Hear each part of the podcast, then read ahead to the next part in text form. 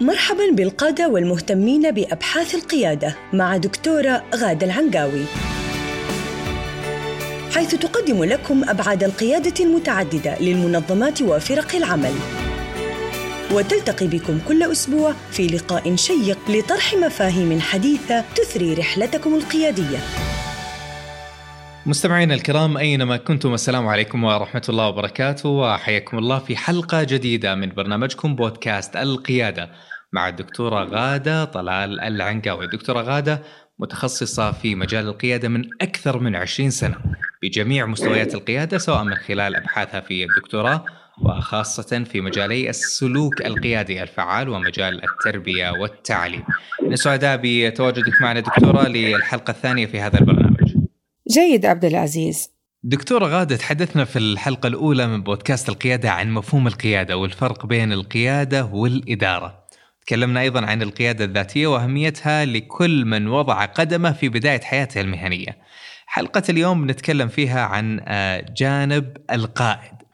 في البداية خليني أسألك ما الذي يجعل القائد قائدا؟ هل هي الظروف أو هناك ميزات شخصية للأشخاص الذين يتصدرون القيادة؟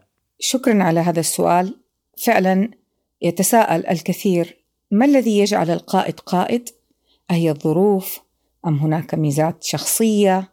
آه الجواب ليس بالسهل وإنما خلاصة الأبحاث العلمية أن القيادة مكتسبة وليست موروثة بمعنى أنه كان يظن السابقون أن القائد يولد قائدا وأنها في طبيعته وفي جيناته وأنها مسألة شخصية وتميز آه، بصفات شخصية معينة. ولكن هذه الأبحاث آه، أثبتت آه، الدراسات الحديثة أنها في الحقيقة لا تفيد كثيرا لا في اختيار القادة ولا في التطوير القيادي ولا في تنمية المهارات والمقدرات القيادية وهو ما يميز أحدث أبحاث القيادة. أن القيادة هي شيء مكتسب بالرغم من اختلاف الشخصيات واختلاف طرق التربية آه، ونشاه كل قائد وطبيعة آه، البيئة التي يعيش فيها وإن كانت أسرته فقيرة أم غنية. كل هذه عوامل في الحقيقة ليست أساسية ولا جذرية في القيادة وإنما العامل الأساسي والجذري هو مقدرات القيادة التي توجد عند بعض الأشخاص بشكل مكتسب من التربية ومن البيئة وأحيانا لا توجد ولكن يستطيع أي إنسان أن يدرب نفسه ويكتسبها ويتعلمها ويطور هذه المقدرات ليكون القائد الذي يريد. فإذا الجواب المختصر لسؤال ما الذي يجعل القائد قائدا؟ هي الظروف طبعا كل هذه الظروف والسياقات تلعب دور ولكن في النهاية وطبعا الشخصية تلعب دور ولكن في النهاية آه، يستطيع أي إنسان بشيء من التصميم وخطة وتطويرية ووجود موجه في حياته ووجود منتور ووجود نموذج يقتدى به وفي الظروف المناسبة. أن يحقق ويتصدر للقيادة. إذا يمكن دكتورة غادة لأي إنسان أن يكون قائدا بحسب حديثك؟ نعم إجابة على سؤالك الثاني يمكن لأي إنسان أن يكون قائد إذا استطاع أن آه، يضع جهده ووقته ويتعلم ويتميز بمميزات معينة. يعني في في شيء يسمى عقلية التواضع.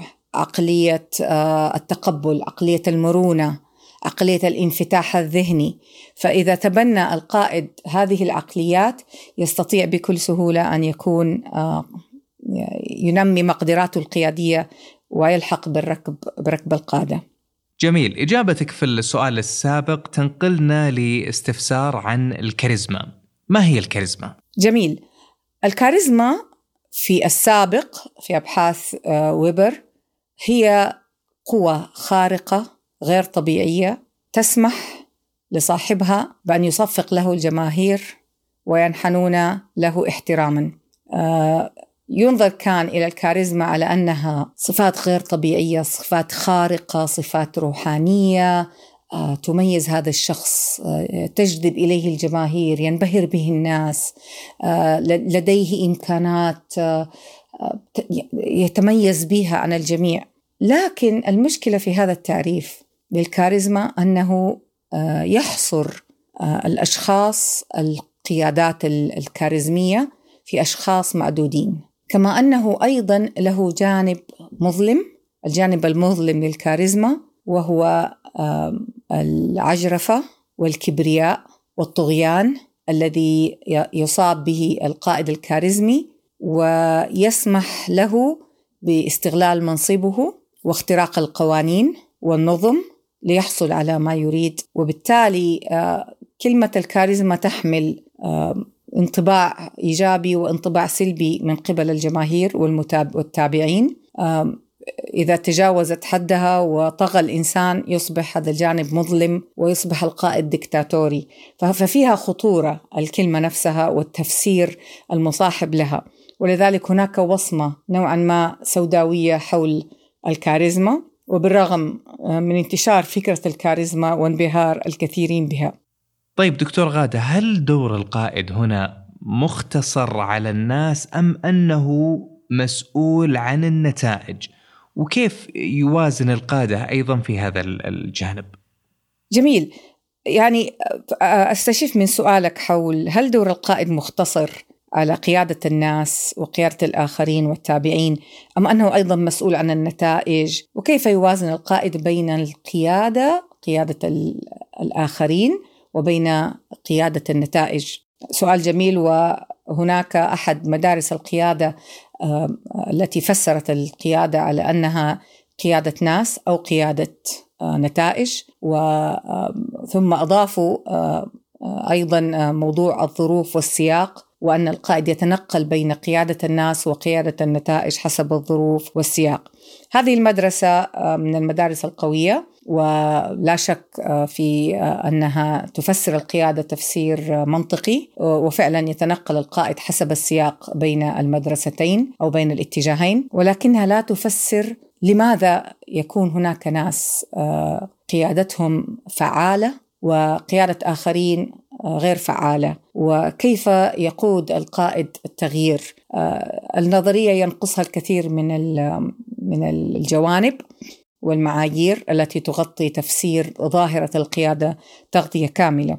ولكن إذا نظرنا إلى الجانب العملي صحيح آه، نحن نحتاج في الجانب العملي إلى قائد آه، متمكن من آه، كسب قلوب الآخرين والتواصل معهم. ودفعهم إلى تحقيق الأهداف والغايات التنظيمية وأيضا توجيههم وتوجيه مشاعرهم ومساعدتهم على التعرف على قيمهم وعلى الوصول إلى الغاية المشتركة التي وجدوا من أجلها مع هذا القائد في هذا السياق. هذا كلام يعني حتما مهم جدا وفي المقابل أيضا لا يكفي هذا الكلام وأيضا نحتاج أيضا إلى أن نحصل على نتائج من من أداء هذه المجموعة وأداء هؤلاء التابعين وهو تحقيق الغاية والأهداف. سواء كانت هذه أهداف سامية لها علاقة باجتماعية غير ربحية أو لها علاقة بأهداف ربحية أو أهداف تنظيمية أو إحداث نظام أو تحقيق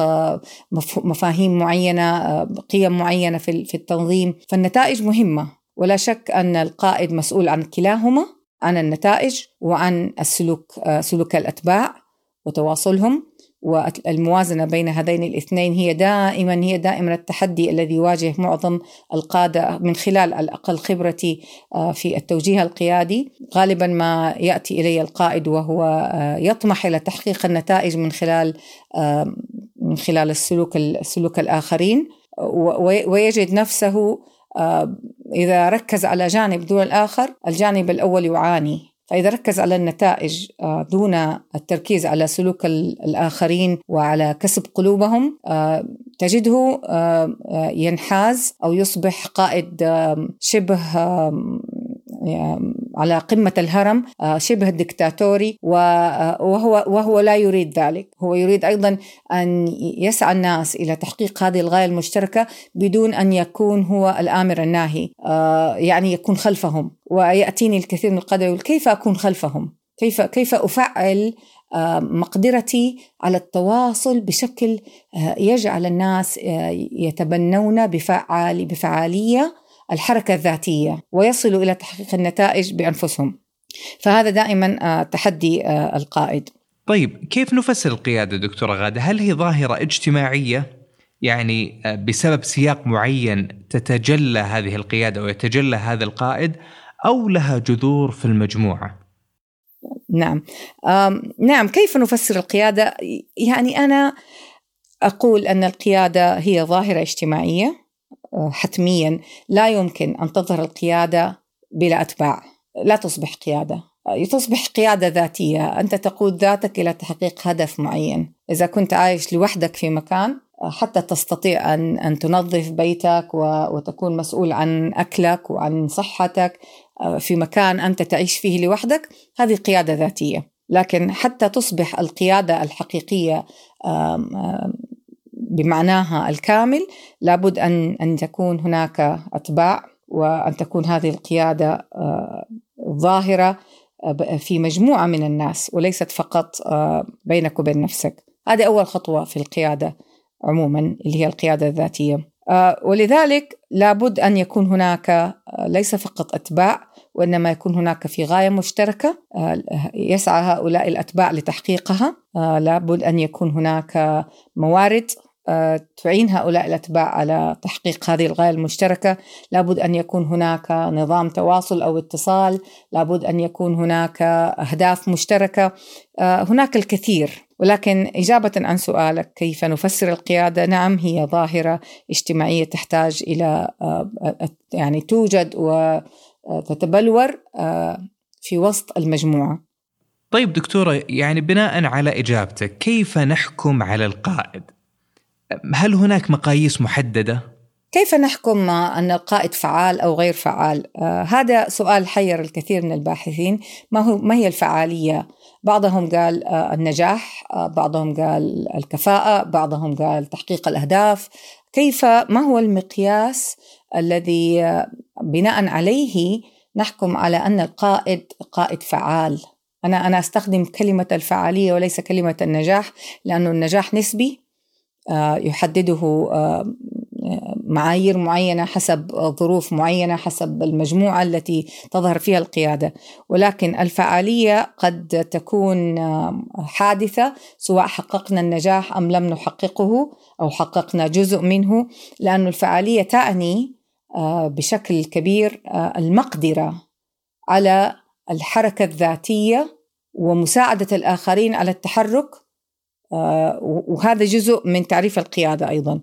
فأنا في رأيي المقياس الذي نحكم به على على فعالية القائد في سياق ما هو المقياس الذي يحدده تحدده المجموعة في ذلك السياق. لا أستطيع أنا خارج التنظيم أن أحكم على فعالية قائد بدون أن آه، أستمع للأتباع عن قيادته وبدون أن أرى النتائج آه، في سياق تحقيق النتائج والأهداف آه، الفعلي الذي حددته هذه المجموعة لهذه القيادة. جميل. دكتورة في الحقيقة الحديث شيق جدا ونتطلع أكيد للمزيد من هذا الحديث ولكن حفاظا على الوقت بما أن وصلنا إلى نهاية الحلقة أتمنى في دقيقتين آه، تحدثين عن اتجاهك البحثي والعلمي في القيادة وأي أنواع القيادة آه، تنصرين يعني أو تؤيدين. اتجاهي البحثي آه، الخاص بي وعملي في القيادة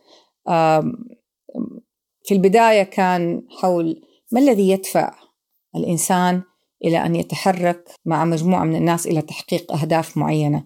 فكان هذا الفضول الذي يعني عندي. وبعدين آه، تحرك الفضول وتطور مع مرور السنوات آه، عندما وصلت إلى مرحلة البحث الدكتوراه وكنت أنبهر بالمنظمات التي تحقق نتائج عالية جدا وخاصة المنظمات اللي هي التعليمية في الجامعات الضخمة الكبيرة في العالم والتي حققت قدرة على ضبط عدد هائل من الطلبة. فكنت أتساءل يا ترى ما هو من هو القائد خلف هذه الهيكل التنظيمي العالي والدقيق والناجح والمتميز ليس فقط في يوم ولا في يومين عبر عدد من السنوات وبشكل آه، ثابت ومستمر غير قابل للاختراق. فكانت هذه الفضول الذي عندي. فطبعا آه، وكان الفضول الأكبر هو أنا ما يهمني كثير القائد اللي كل الظروف متاحة له آه، وما في أي تحديات حوله والمنظمة ماشية وكل شيء ماشي ربما يكون قيادته آه، هي نتيجة لقيادة من قبله. ولكن القائد الذي يثير فضولي واهتمامي دائما هو القائد الذي يوضع في تحدي عالي جدا يتطلب منه قرار استراتيجي آه، القرار الاستراتيجي نعرفه بأنه مرحلة أو قرار انتقالي آه، تحولي في حياة التنظيم. قد يكون امتزاج بين منظمتين mergers واكوزيشنز أو يكون قرار نقل أو توسع عالمي أو قد يكون قرار تحجيم أو قد يكون قرار آه، تفعيل جانب من الجوانب اللي ما كانت موجودة في التنظيم أو تحقيق آه، هدف أو غاية أعلى. تتطلب نقلة هائلة في التنظيم وهكذا. فهذه القرارات الاستراتيجية تحدث آه، دربكة وتحدث آه، تغيير كامل آه، على مستوى الأفراد ومهاراتهم والأنظمة والتقنيات وعلى مستوى التواصل وعلى مستوى تحقيق الأرقام القياسية. هذا القرار هذا النوع من من القيادة الذي يتصدر في مواقف في حياه المنظمة تكون مواقف انتقالية وتحولية واستراتيجية. هذا النوع من القيادة هو الذي يثير فضولي والذي يتحدى أفضل ما عندي. لماذا؟ لأنه زي ما ذكرت إذا كان كل شيء مستقر ومتوفر فأنت في الحقيقة تحافظ على السياق على على الانسيابية. ما عندك تحديات. كل شيء موجود ومرتب لك لكن التحدي الحقيقي عندما يحدث هذا التحول. ولذلك تجد القائد آه، النيو كاريزمي وحنتكلم عن القيادة النيو كاريزمية إن شاء الله وهي مجال بحثي تجده دائما يبحث عن طرق أفضل لتحقيق آه، مستوى أعلى في التنظيم. يعني عنده رؤية مثالية تسمح له بجلب التحديات بإحداث التحديات.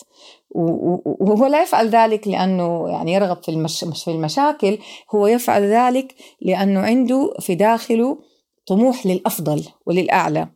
وهذا النوع من القيادة هو الذي يعني يحوز على انتباهي وفضولي.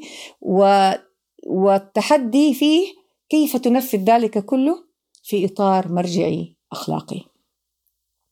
فعملي في القيادة الحالي على جميع المستويات الحقيقة. آه، أنا أهتم بالمستوى الشخصي القيادة الذاتية لسبب واحد لأنه أي قائد في المستويات الأخرى آه، سيحتاج حتما للقيادة الذاتية.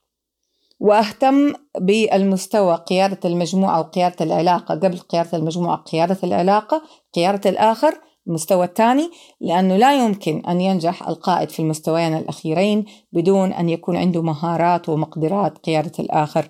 وتأتي بعد ذلك قيادة المجموعة حتما لا يمكن أن يتصدر الإنسان لقيادة تنظيم بدون أن يمر بقيادة فريق عمل بنجاح ويكون عنده التجربة التي تسمح له إلى تصعيد آه، مهاراته إلى مستوى القيادة التنظيمية. جميل جدا. الدكتورة غادة عنقاوي شكرا جزيلا لك ونراك بإذن الله في الحلقة القادمة حول موضوع جديد من مواضيع القيادة. آه، أشكر لك عبد العزيز. والله أنا أيضا آه، الحديث شيق وأتمنى أن إحنا نستمر. ولكن فعلا الوقت قد انتهى بنا لكن إن شاء الله هذه البداية وأمامنا إن شاء الله الحلقات القادمة نتحدث فيها بشكل أوسع عن القيادة النيوكاريزمية كل الشكر والتقدير لك شكرا. دكتورة غادة وأيضا ننوه في ختام الحلقة إلى أنكم مستمعينا الكرام بإمكانكم أن تتواصلوا بشكل مباشر مع الدكتورة غادة لطرح الأسئلة والتعليق على هذه الحلقة والحلقات السابقة من خلال موقع البودكاست الخاص وهو newcharismaticleader.com والموقع أيضا موجود في وصف هذه الحلقة. في الختام تقبلوا أطيب التحايا مني أنا محدثكم عبد العزيز الحجي. نلتقيكم في الحلقة القادمة. على خير. إلى ذلك الحين دمتم في رعاية الله وحفظه وإلى اللقاء. استمعتم للدكتورة غادة العنقاوي تتحدث عن قيادة المنظمات وفرق العمل. في بودكاست القيادة. إلى أن نلقاكم مجدداً.